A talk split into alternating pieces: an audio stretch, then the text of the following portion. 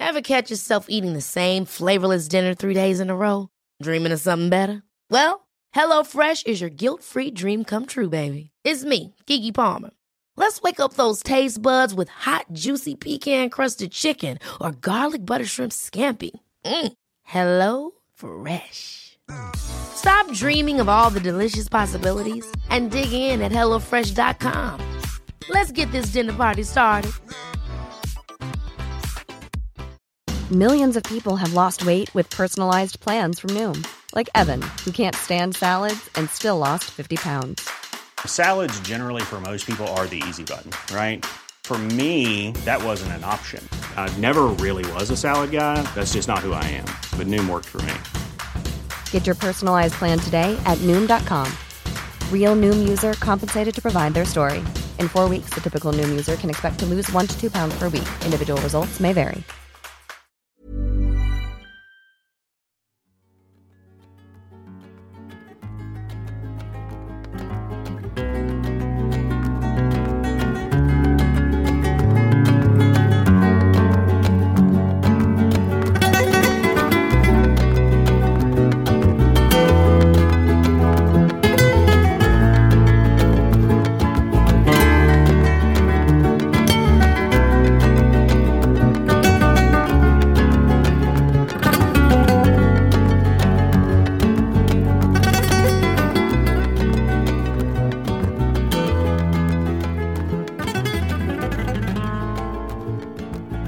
Välkommen till Sektpodden. Jag heter Emma Genbeck och jag har Rigmor Robert framför mig och eh, idag så ska vi ta oss an avsnitt 167. Vill du presentera dig Rigmor? Ja, läkaren, eh, psykoterapeuten, analytikern Mm. är jag. Ja, det är du. Och jag är sjuksköterska numera och eh, har en gång i tiden varit med i Knutbysekten. Därav detta ämne som vi... Pastor till och med i Mm. sekten. Mm. Det är inte Men- alla som kan ha det i sitt CV, sektpastor. Tur är väl det, fy. under, under några korta år får jag lov att säga i alla fall till mitt försvar, tack och lov. Ja.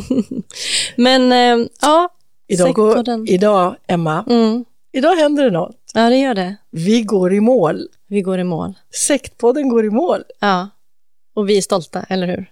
Ja, vi tycker det har varit Mm. Eh, en fantastisk resa. Verkligen. Mm.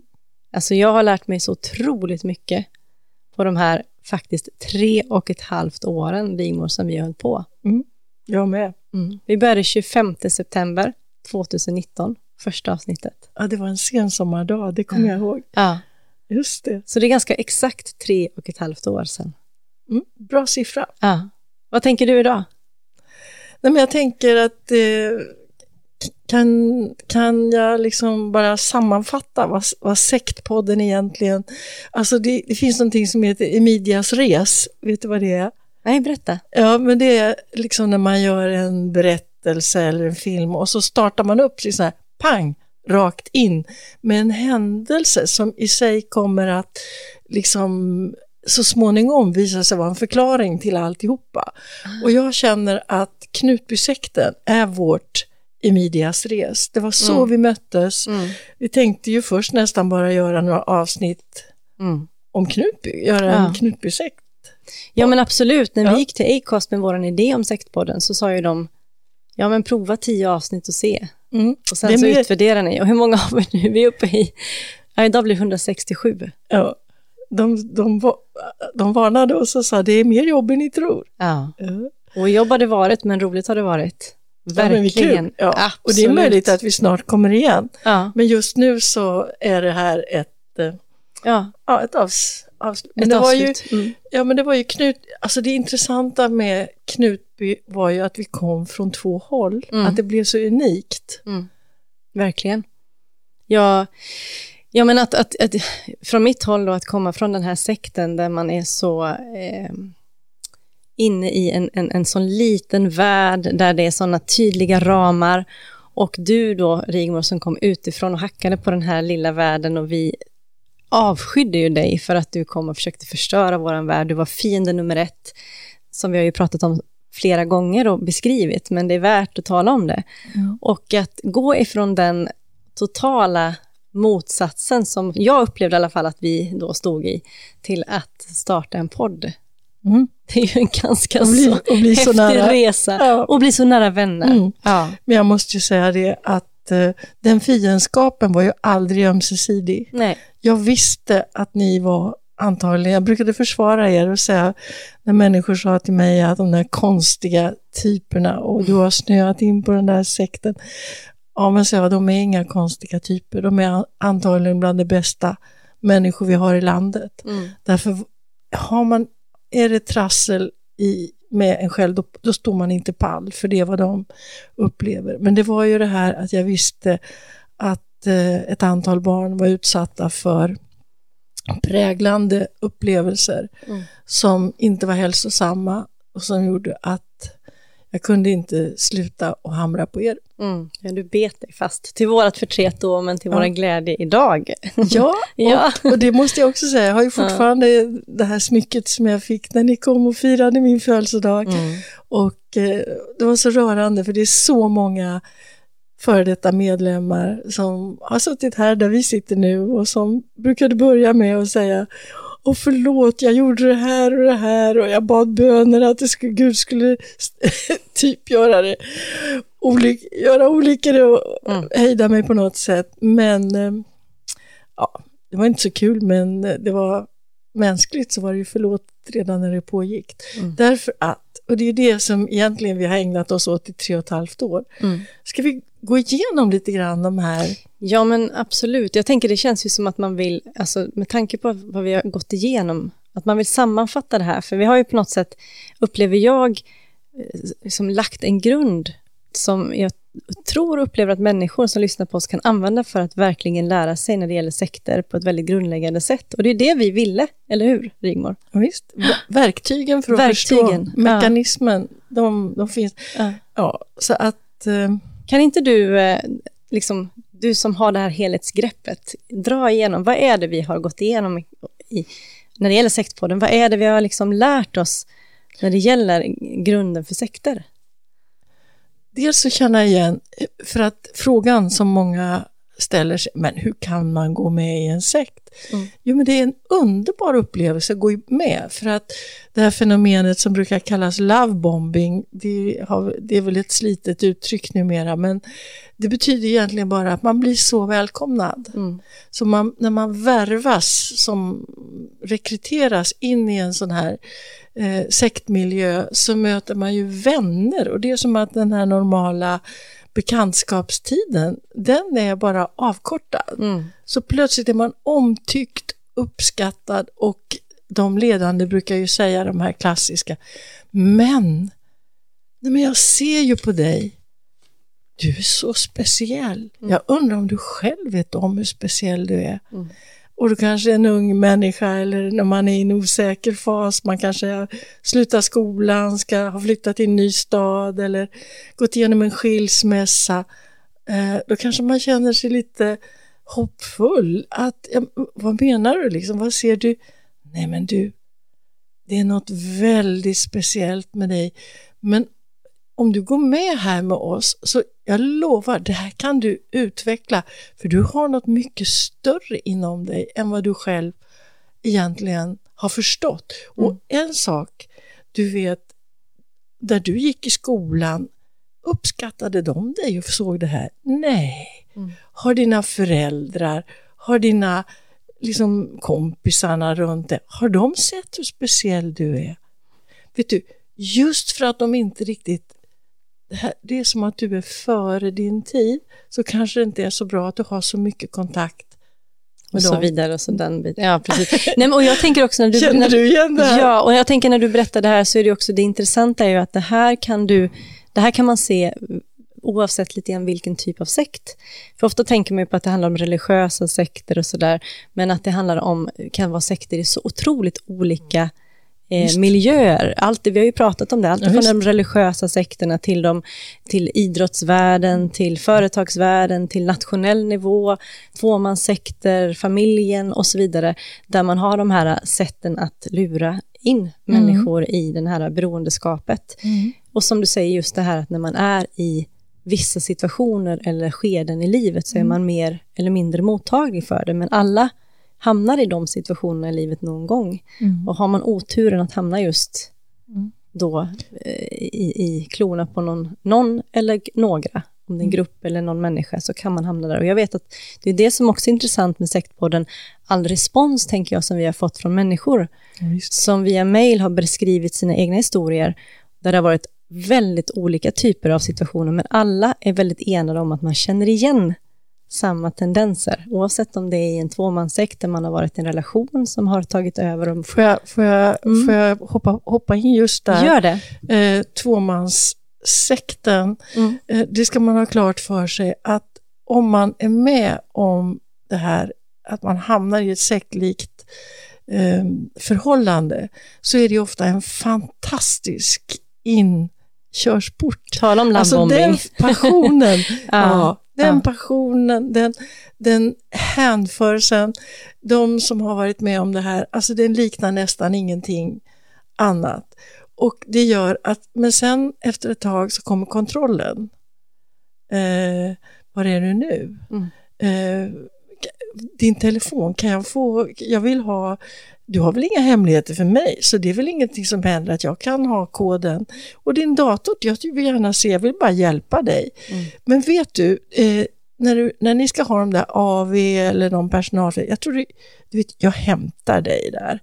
Alltså det här som på ett sätt verkar väldigt omtänksamt, det kan vara början till att man är kontrollerad och att man plötsligt inser, jag kan inte ta mig ur det här. Mm. Ja, men det är det som är så otäckt, att det plötsligt så befinner man sig själv i en situation där man är fast och fångad. Och det, det är som att eh, det händer så plötsligt. Mm. Man är inte medveten om när det sker, utan det är plötsligt är man där och då är det inte så lätt som man gärna vill tänka när man står utanför, att det är väl bara att lämna. Mm. Och det är inte så enkelt, alltså som att lämna den situationen. För den farliga kärlekspartnern har någonting gemensamt med sektledaren. Och det är det här svängande humöret. Att när han eller hon är eh, eh, plötsligt arg eller misstänksam eller rent av fysiskt eh, hotfull eh, så kan det svänga om när man är tillintetgjord och förtvivlan och så blir det plötsligt lika underbart igen. Och då blir man så lättad, så då kommer man in i det här euforiska, ja men det, åh vad skönt. Och sen vill man akta sig för att hamna i den där onåden, den här kylan, i det här eh, ot- otäcka, förnedrande tillståndet. Så man börjar liksom anpassa sig i myrsteg. Du- Normaliseringsprocessen. Ja, du, du nämnde plö- Mm. plötsligt så sa du, ja man upptäcker det kanske plötsligt, Det är det men det har gått i myrsteg fram Just till det, det. precis så. Ja. Och det är det man inte ser själv när man är mitt i det. Nej. Utan plötsligt så är man bara där och därför Mm. ser man det inte förrän man står mitt i det. Andra kanske runt om ser det, men man Mm. ser det inte själv.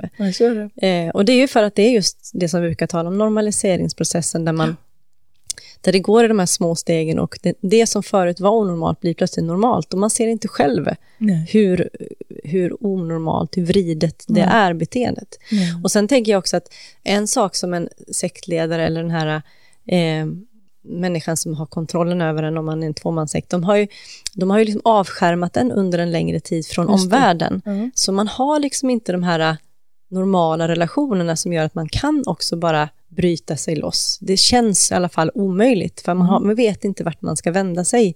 Och man har också blivit liksom itutad att omvärlden kanske är ond, eller den är emot, eller den förstår inte. Och man, så man, man går med en känsla av att hamnat i ett limbo nästan, där man inte vet vart man ska vända sig. Så är det. Mm. Och där, där ger du en eh, socialpsykologernas definition eh, på sekten, nämligen att det är, en, det är en grupp som har ett spänt eller motsatt förhållande till omvärlden. Mm.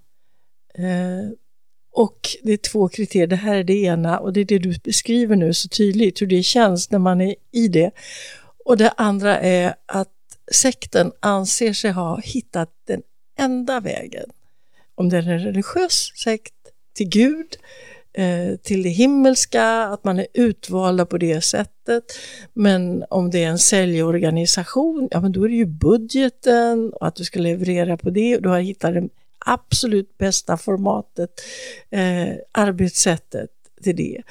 Och är det idrotten så har du liksom den absolut enda bästa metoden. Mm. Så det här att man sekter bildar liksom inte klubbar med andra sekter, utan de är verkligen ensamma Ja. i Ja.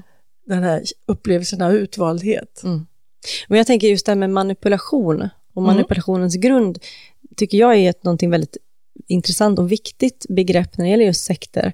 Eh, och vi har ju faktiskt gjort avsnitt just omkring det som vi faktiskt, eh, både 29, 30, 31, 32 och 33, faktiskt fem hela avsnitt gjorde vi, Mm. som handlar just om manipulationens grund, som känns Mm. som en ganska viktig bas för att förstå Ja, visst. sekter. Mm. Eh, så- Alla Ja. och de där teknikerna, professor Cialdini till exempel, han, han undersökte ju vilken metodik man använder i olika, inte bara i religiösa sekter utan som du säger i, i och han kom ju fram till först sex men Mm. sen sju.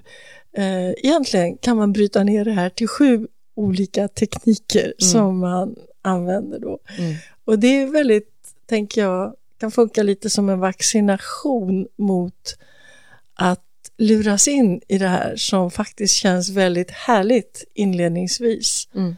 Och sen kommer skuggsidorna. Ja, och det jag tänker, det är ju det vi önskar och hoppas med Sektpodden, att man ska få just verktygen för att kunna Mm. Eh, se i tid. Mm. För att, ja, precis. Det, den här, det intressanta är ju relationen till eh, sektledaren. Mm. Att denna extrema övervärdering, att man tillskriver eh, en sektledare som påstår sig ha övernaturliga förmågor, Mm. en direkt kontakt med Gud eller som Åsa Waldau sa att hon, Jesus i Bibeln i Nya Testamentet ska gifta sig med henne och nedstiga.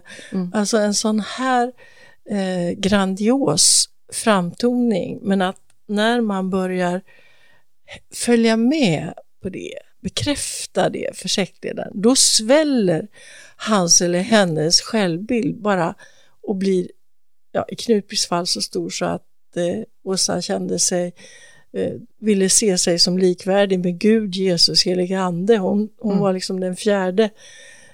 Treenigheten hade blivit en fyrenighet.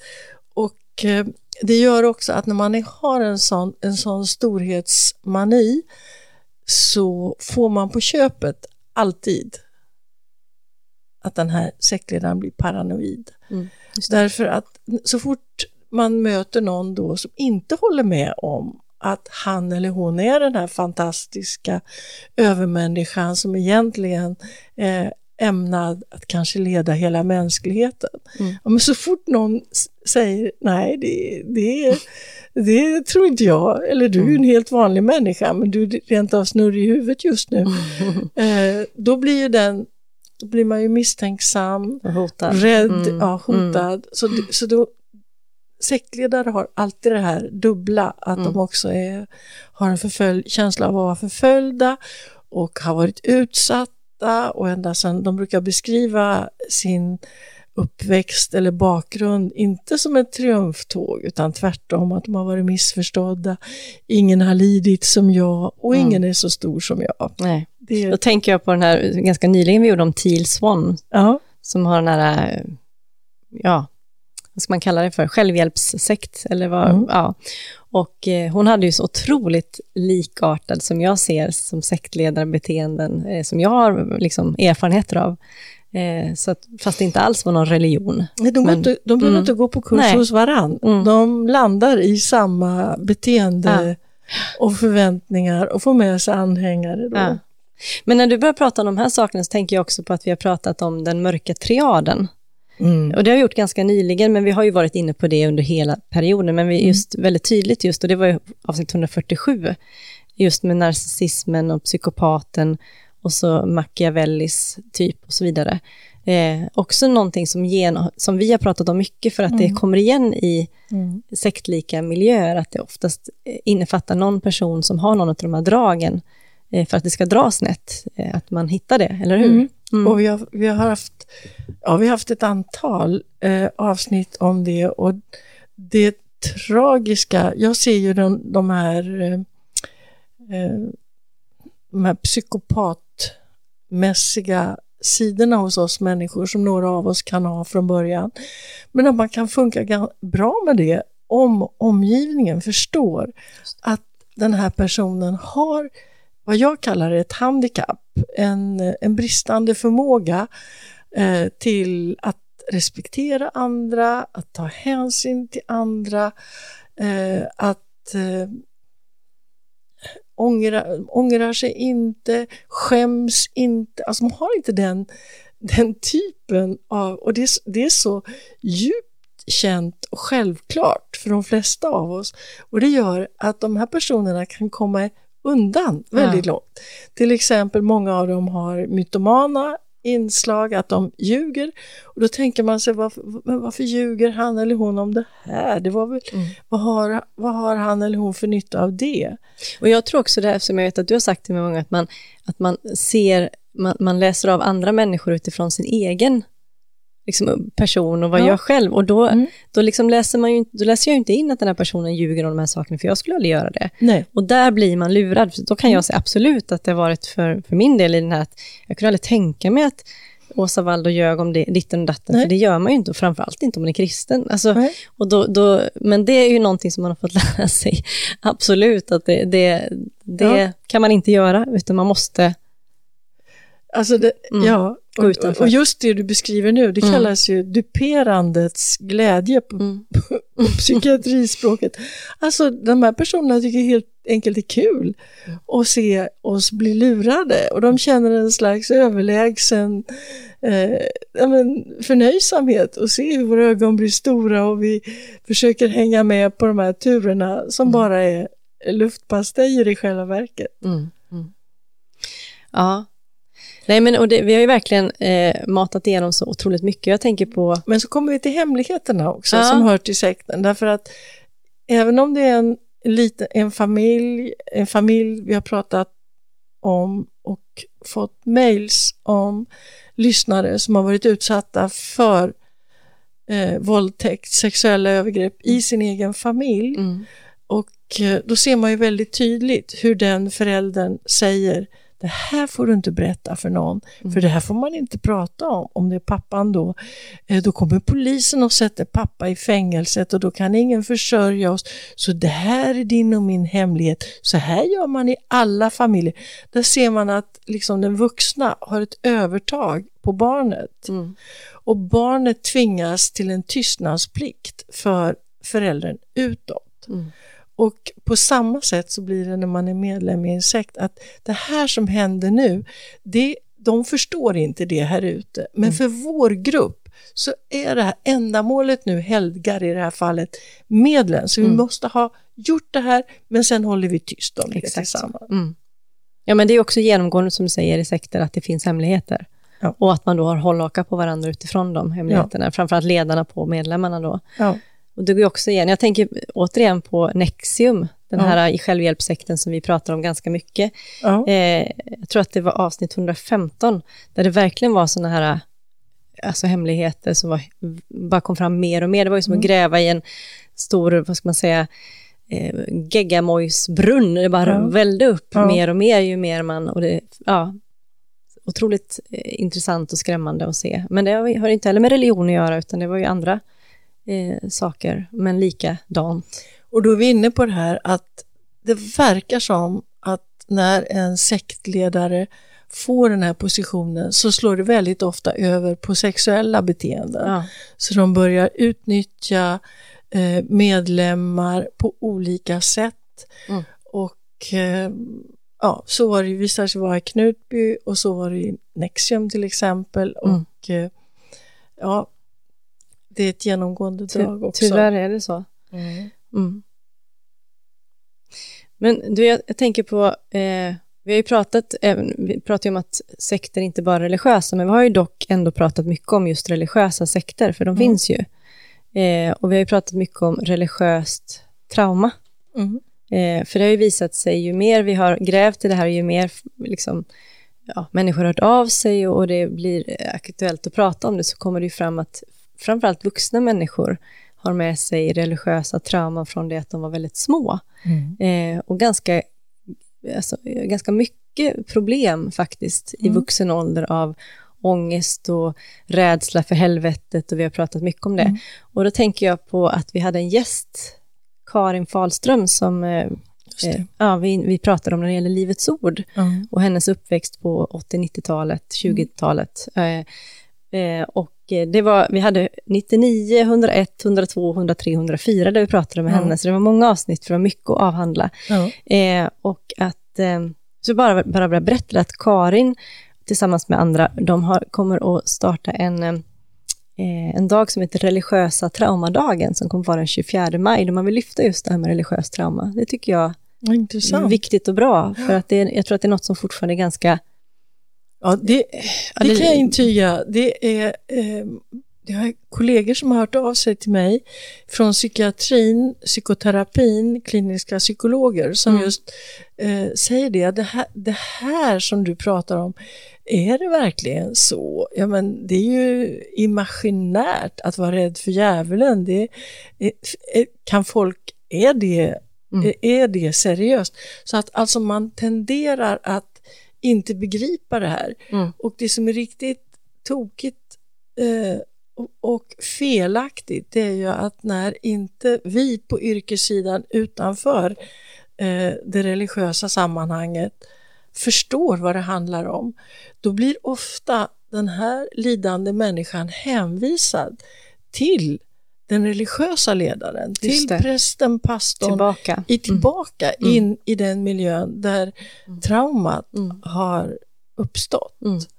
Och det är också någonting som vi har pratat om och återkommit till flera gånger, också mycket på grund av våra lyssnare, det här med, med olika former av psykoterapi, Mm. terapi, eh, alltså självhjälpsgurus och, och så vidare, för att människor hör av sig av, många gånger för att de har svårt att hitta, just när det gäller religiöst trauma, Mm. någon som, som du säger, som kan det här. Mm. Eh, och att, att det finns en stor, eh, ja, men en, litet svart hål på det här om, området. Så att, så att, men jag tror att när vi har lyft i sektpodden så hoppas jag att det har lyfts i, även inom de här, för jag har faktiskt haft eh, kontakt även med människor som jobbar med sånt här Ja, visst. och som har uttryckt ett behov av att lära sig mer om det. Så att jag hoppas att det, Ja, vi kan bidra lite. att det, ja, att, att, det, att, kommer man, att det bidrar till att man kanske också eh, utökar det inom de här utbildningarna kanske. Mm. Ja,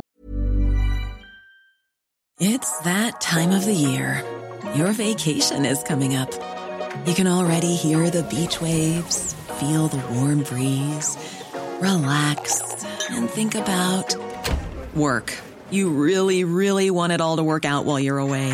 Monday.com gives you and the team that peace of mind. When all work is on one platform and everyone's in sync, things just flow wherever you are. Tap the banner to go to Monday.com. Ever catch yourself eating the same flavorless dinner three days in a row? Dreaming of something better? Well, HelloFresh is your guilt-free dream come true, baby. It's me, Kiki Palmer. Let's wake up those taste buds with hot, juicy pecan-crusted chicken or garlic butter shrimp scampi. Mm. Hello Fresh. Stop dreaming of all the delicious possibilities and dig in at HelloFresh.com. Let's get this dinner party started.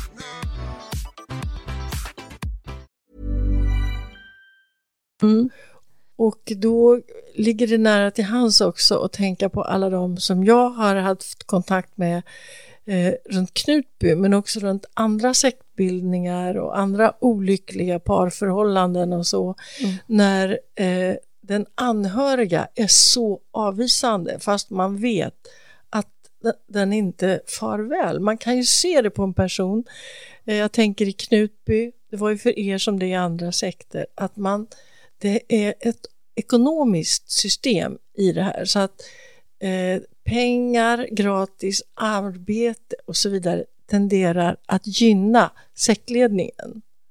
Mm. Så att medlemmarna eh, liksom blir utsugna kan börja se bleka och slitna ut. Mm. För att det här är personer som sliter hårt. Mm. Mycket Men- arbete. Så. Ja. Mm. Och jag vet att eh, när man blir avvisad eh, så brukade jag säga till runt er i Knutby till anhöriga som tyckte inte, jag känner inte igen min son, jag känner inte igen min dotter, pratar inte likadant, är så avvisande. Och då, så konstigt är alltihopa. Och då kunde jag lova att nej men det riktiga jaget, äkta jaget, eh, din son, din dotter, ditt syskon eller din kompis sen för finns där. Men han eller hon känner sig bunden, vågar inte anförtro de här hemligheterna. Hållhakarna sitter så hårt. Men bildligt talat, borta till skogsbrynet som bakom en sten, där sitter det äkta jaget och gråter Mm. och är så ledsen. Och när den här, din anhöriga kommer ur sekten, eller som i Knutbys fall när hela sekten upplöstes, Mm. ja men då kom ju ni tillbaka och blev er själva igen. Så det riktiga jaget finns där. Så att man måste förstå att i sektberoendet så liksom bildar man som ett nytt sektjag. Mm. Och det kan kallas för sektsjukan eller pseudoidentitet. Men man får verkligen som en ny jagbild. Mm. Kommer du ihåg om du upplevde en sån känsla någon gång när du i ditt liv i sekten, när du var så där aggressiv mot mig, det var som att du inte kom ihåg det efteråt. Nej, jag hade verkligen förträngt det helt och hållet. Det var ju sådär, jag blev, avslö- eller jag blev överbevisad när jag, när jag satt med en annan journalist, eller en, annan, en journalist som, som mer eller mindre tryckte upp i ansiktet den här eh, artikeln jag hade skrivit, för jag förnekade fram tills jag såg den. Och jag tänkte, det. va? Så det var ju verkligen så. Nej, men absolut, jag, tr- absolut att man var annorlunda i sekten, även om du säger, som du säger att man hade en inre kärna som fanns kvar i olika grad, kanske, jag vet inte. Men, men eh, att, och att när man lämnar framförallt så märker man ju också att man skalar av det här gamla jaget. Och jag tror också för min del så var det ju, hade jag ju sex år där jag var utfrusen frusen Ja. ifrån liksom sektens inre kärna och så vidare. Så att jag tror att eh, den skalades nog av lite sakta men säkert redan då, eh, innan jag blev helt liksom. Eh, men, men absolut. Och, och det har man ju hört många anhöriga som du säger, som, som säger i Mm. efterhand att nu känner jag igen Ja. min dotter, min son, min, vad, vad det nu kan vara för något. Ja. Mm. Så att, så att det, det, det, så är det Den, verkligen. den, eh, den oväntade och liksom eh, vändpunkten som jag upplevde, det var ju när en, ehm, en talarförmedlare sa att "Nej, men det har kommit ett mejl här till dig, eh, kan skicka det vidare och då var det från din man Peter Genbeck och han var ju, agerade ju talesperson utåt väldigt mycket. Mm. Han hade väl den eh, Jo, man hade ju den, rollen, uppgiften. ja, att Ja. vara eh, medieansvarig. Liksom. Medieansvarig ja. heter det, Mm. just det. Så han och jag, vi drabbade ju samman många gånger faktiskt i Mm. offentligheten. Och då kom det här eh, mejlet som sammanfattat, det var ganska kort, så stod det att eh, jag har stått för lögnen när du kom med sanningen, men jag trodde att jag gjorde rätt. Och så bad han om förlåtelse. Mm. Och det blev ju liksom för mig, det var precis som det bara öppnade som en ljus eh, in Mm. i... Jo, men och för våran del, eller jag kan prata för min del, så var det som att när man väl, som du säger, öppnar den här ljusspalten till Ja. sanningen ifrån allt man hade varit, då var det som att så mycket bara krackelerade på en gång av allt som hade varit lögn. Ja, Det var ju väldigt så här markant bara, det bara föll, det var som ett korthus man hade byggt upp och sen så plötsligt så ryckte någon den här liksom understa nästan Ja. kortet och då Ja. föll alltihopa väldigt, i alla fall för min del, väldigt, väldigt snabbt. ja, det måste ha gått fort. Det gick otroligt fort Ja. Eh, och jag tror att det gick väldigt fort för de, väldigt många. För det var som att Knupe hade liksom drivits till en bristningsgräns där alla var på, på, ja, på bristningsgräns och när det väl sprack, då, liksom, då föll alltihopa väldigt snabbt och alla var väldigt Ja, både, det fanns både mycket ilska och, och rädsla och sorg, och, men, men att det, liksom, man hade inget svårt att bara... Det Nej. svårt, men det var, det var, jag tror att det var få som på något sätt ville hålla kvar sekten. Det fanns liksom inte, jag tror att alla Nej, var det fann- Det var, det var några stycken som Mm. hade hoppat som inte... Ty, som, inte hade varit kanske så nära den här inre kretsen där Mm. ni verkligen kunde misshandla varandra och det var som, in, som tyckte ändå att de ville försöka men de Mm. gav också upp efter en Ja, tid. ja men att de insåg att det var för skadat. Det Ja. gick inte att behålla det. Ja, Knutby, det kan man prata mycket om. Och det har vi gjort också kan vi säga. Ja, det blev ju som en prototyp Ja. som du, många gånger när vi har gått igenom olika Mm. fenomen så har du sagt, eh, ja men det känner jag igen Mm. och så kan du dra liksom lik, likheterna för att sekten är just lite grann som en parallell värld. Mm. Ja. Ja men absolut. Och, och som sagt man kan ju lyssna på, framförallt i början av Sektpodden så hade vi många avsnitt som handlar just om Knutby, så det är bara att gå in och titta där om man vill, vill lyssna just på Knutby. Ja. Mm. Men där pratade, vi också, pratade jag också om min historia. Om, Precis. eller hur? Det Ja. var också lite, när var det? det var, säga, Rigmors resa i C.G. Jungs labyrint, det var inte något sånt där vi kallar det? Jo. Ja. det var, det var rätt tidigt, eller hur? ja, det var rätt tidigt. När var det då? Det måste ju varit eh, typ avsnitt... efter dig. Först du hade Ah, berättat. Men vi ah. hade också, jag tror det andra avsnittet som vi hade, då berättade vi om Sätersekten som uppstod runt eh, Sture Bergvall som Mm. var inskriven som patient och bytte verkligen identitet och kallade sig Thomas Quick.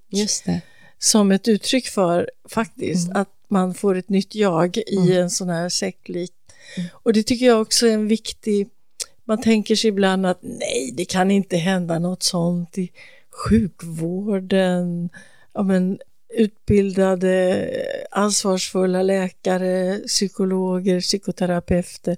Men runt Margit Norell, som var den kvinnliga sektledaren där, så kunde det uppstå. Mm. Och jag tänker också på Macchiarini, Ja, som vi har pratat om. ja visst. som verkligen var en toppläkare som fanns runt omkring och som är jätteintressant att läsa om och lyssna på intervjuer med de läkare som fanns runt omkring. Mm. Eh, och är man intresserad av det så kan man också gå in och lyssna på, det hade vi två avsnitt, 146 och 145. Och där i Macchiarini-fallet, där är det ju alltså toppen av vad vi har, in, ja men, forskare, Mm. eh, överläkare, professorer som var, rycktes med i den här eh, duperade av Macchiarini då. Mm. Och de fyra läkare som blev whistleblowers, som vis, blåste i visslan, som såg vad som hände med patienterna och som såg att det inte var underbyggt på det sättet som han förespeglade att den här metodiken var utprovad och prövad på djurförsök och så vidare.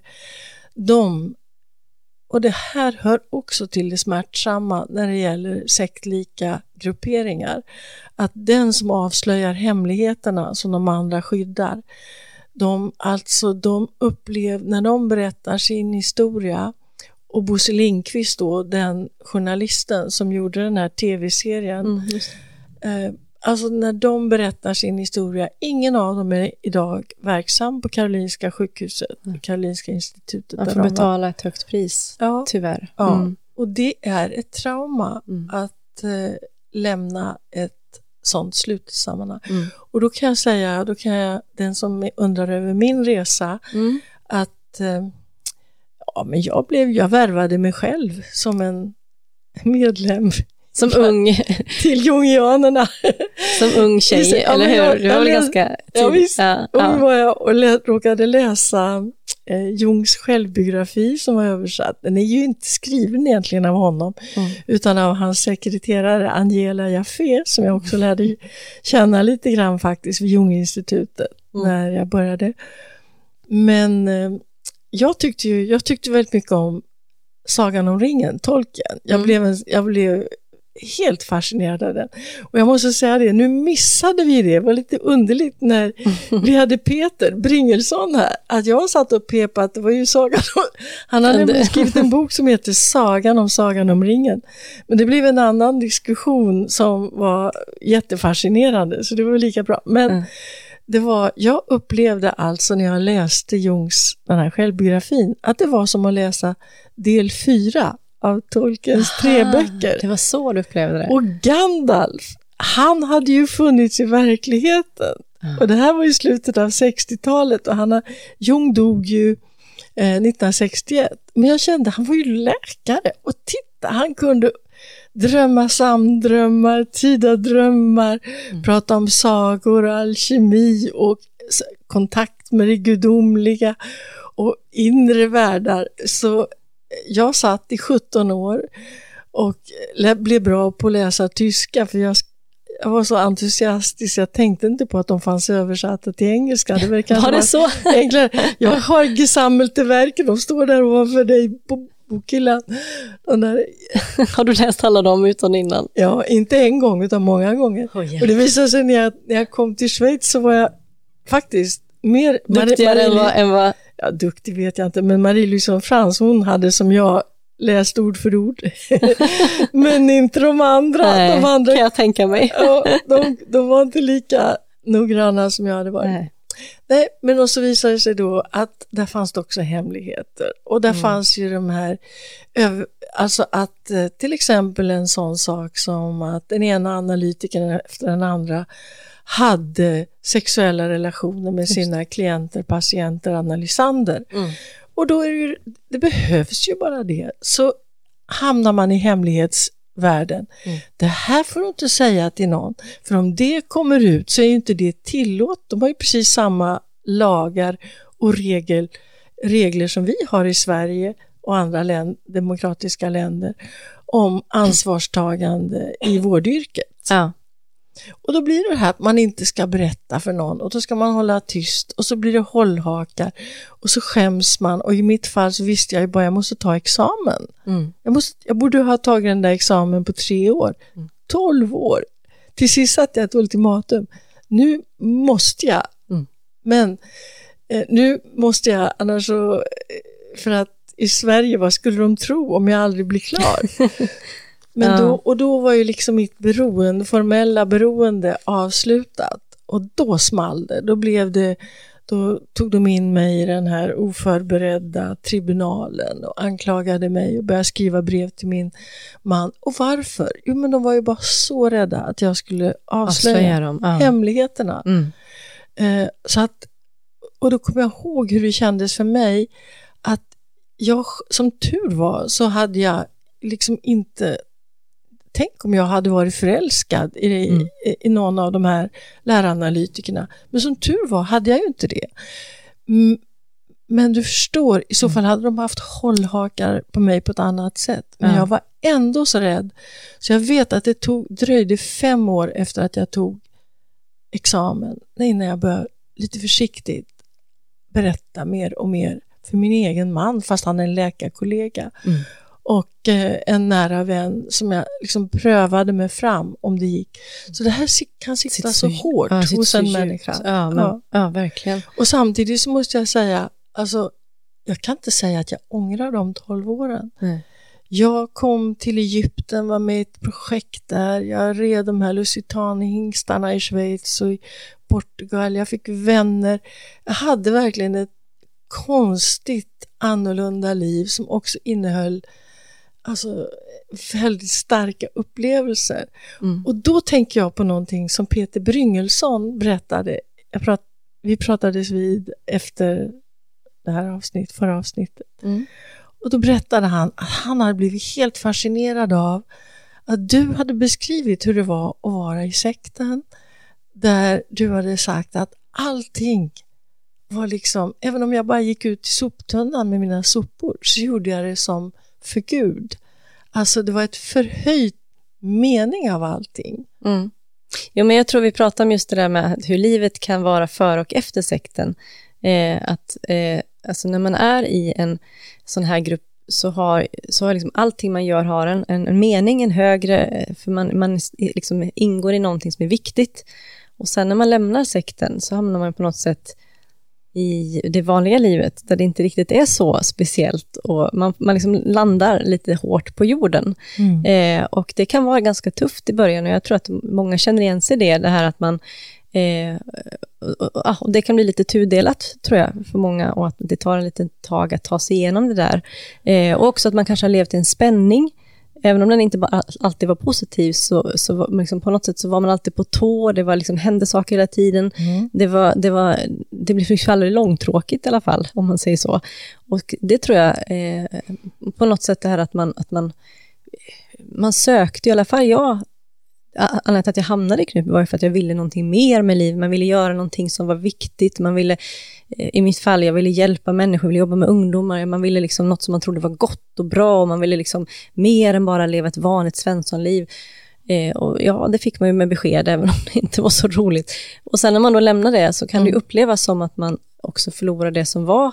Mm. Eh, ja, men precis ja. så. Mm. Att man lever i det, det som brukar kallas som en parallellvärld. Mm. Mm.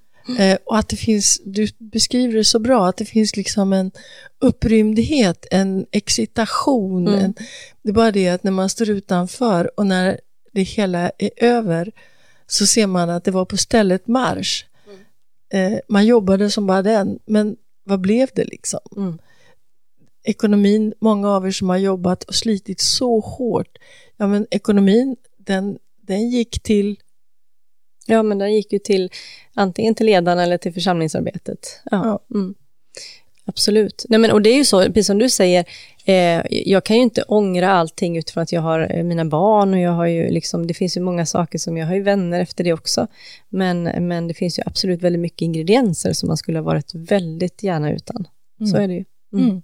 Naturligtvis. Jag önskar ju verkligen att jag hamnat någon annanstans, men samtidigt så vet jag inget annat heller. det här var Nej, och jag tänker liksom både du och jag, i, i våran dialog, Emma, mm. så har det ju varit så eh, givande faktiskt. Jag har lärt mig så mycket de här tre och ett halvt åren.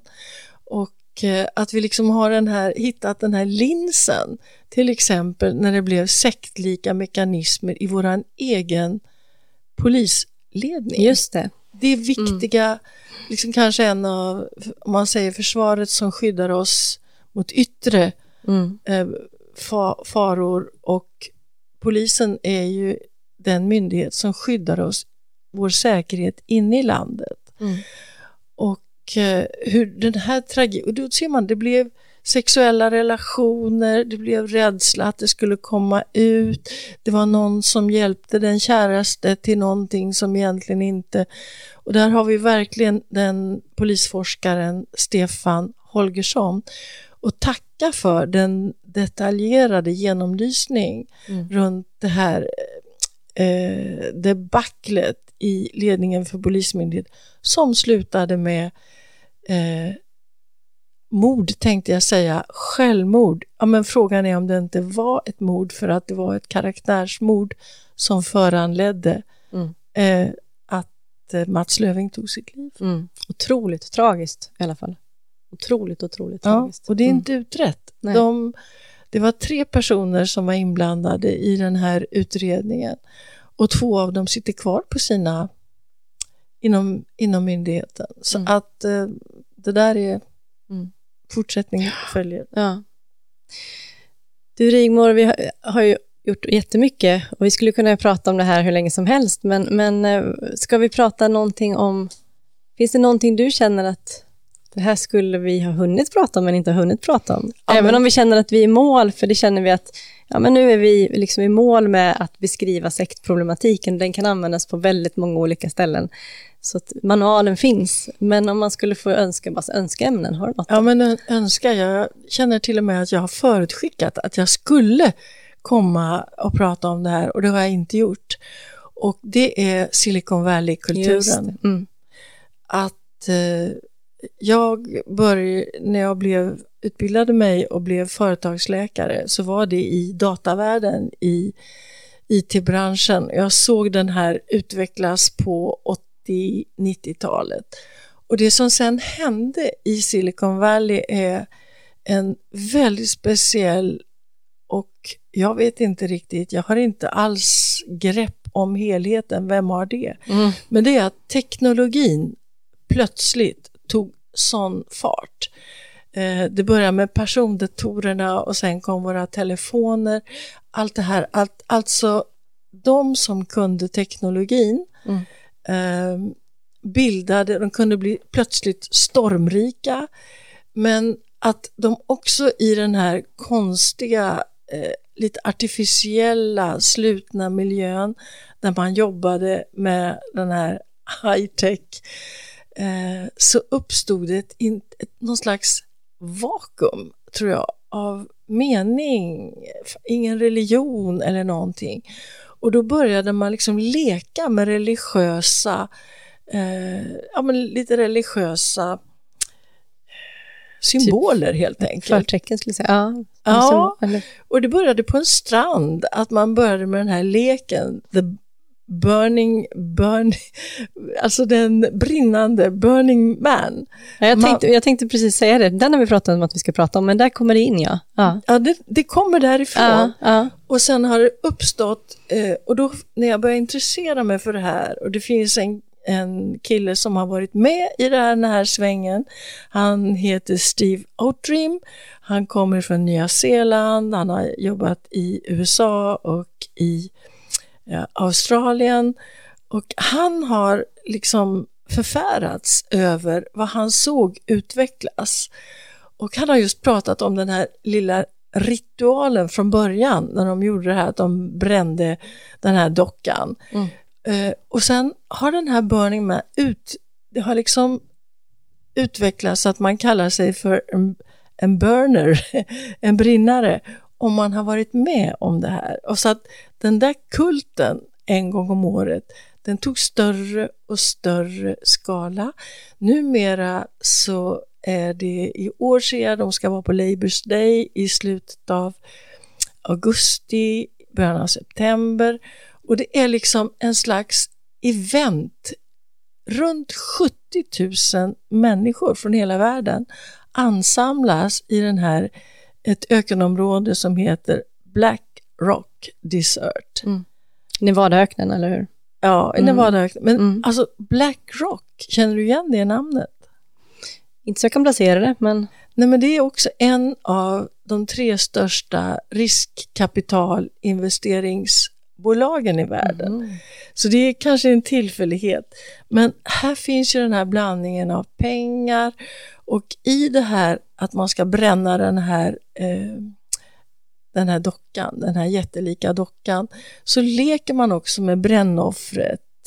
I Schweiz där jag är snart nu eh, fastlach Faslach som de säger, alltså det är en festdag i Schweiz och de har en majbrasa precis som vi har. Men deras majbrasa i Zürich, det föregås av stora processioner, de här olika yrkesgillena och de är utklädda, det är ryttare och så tågar de genom stan och sen kommer de till det här stora bålet och som är uppställt och då är det en rusning när alla ryttarna bara rusar runt, runt, runt, runt i galopp runt det här bålet. Och sen tänder man på.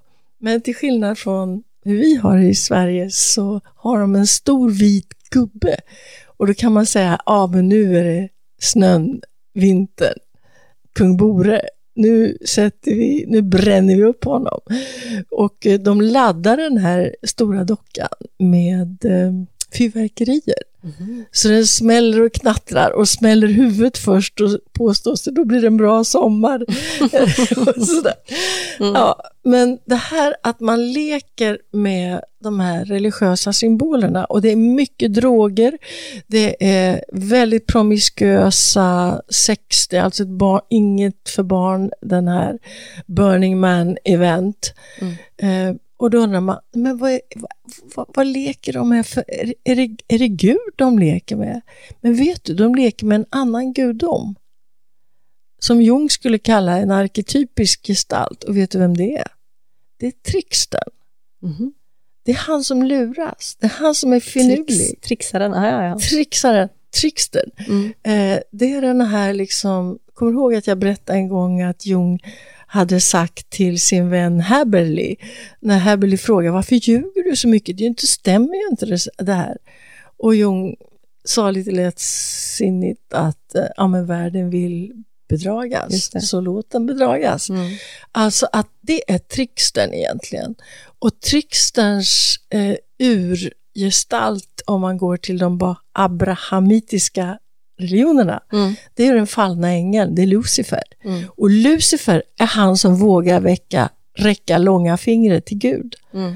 Och Gud, och då tänker inte jag kanske på att jag är bekännande inom judendom eller kristendom eller islam, utan, men det vi kallar Gud står ju för den gyllene regeln.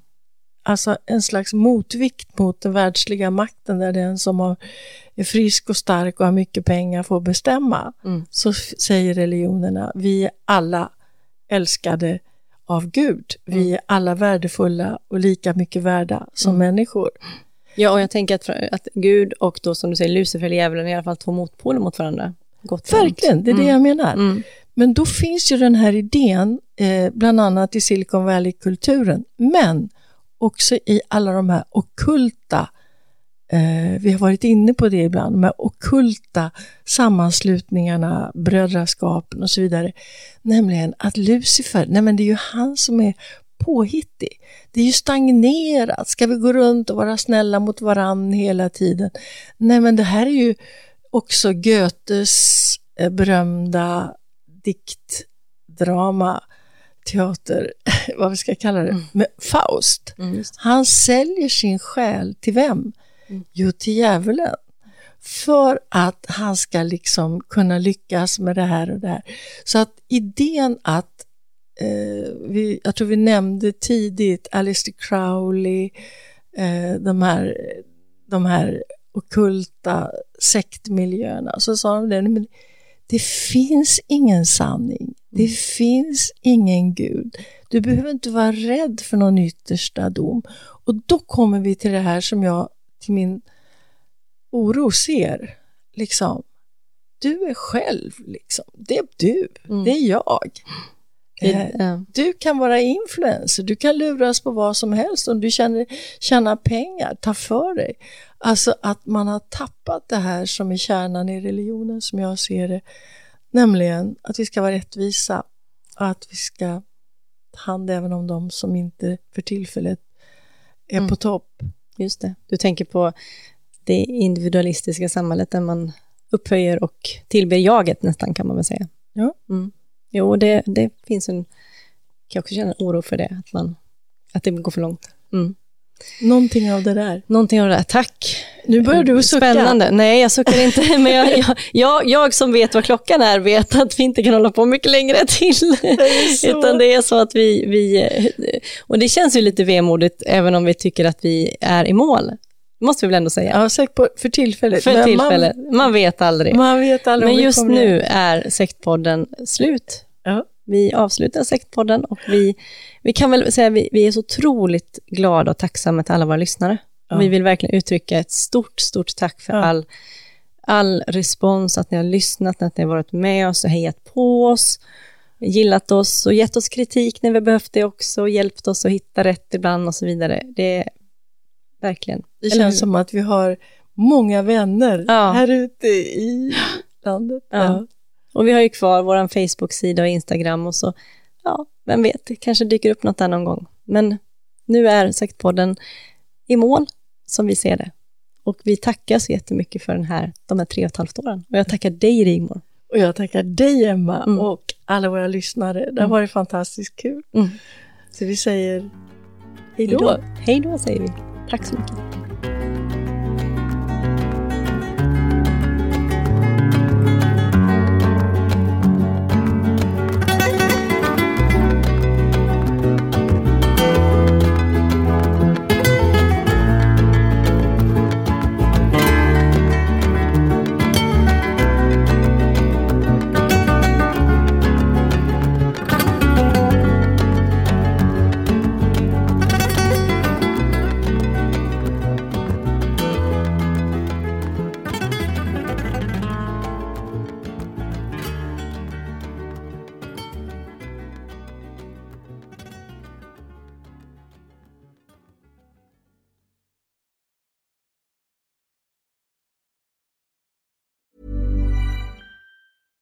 Ever catch yourself eating the same flavorless dinner three days in a row?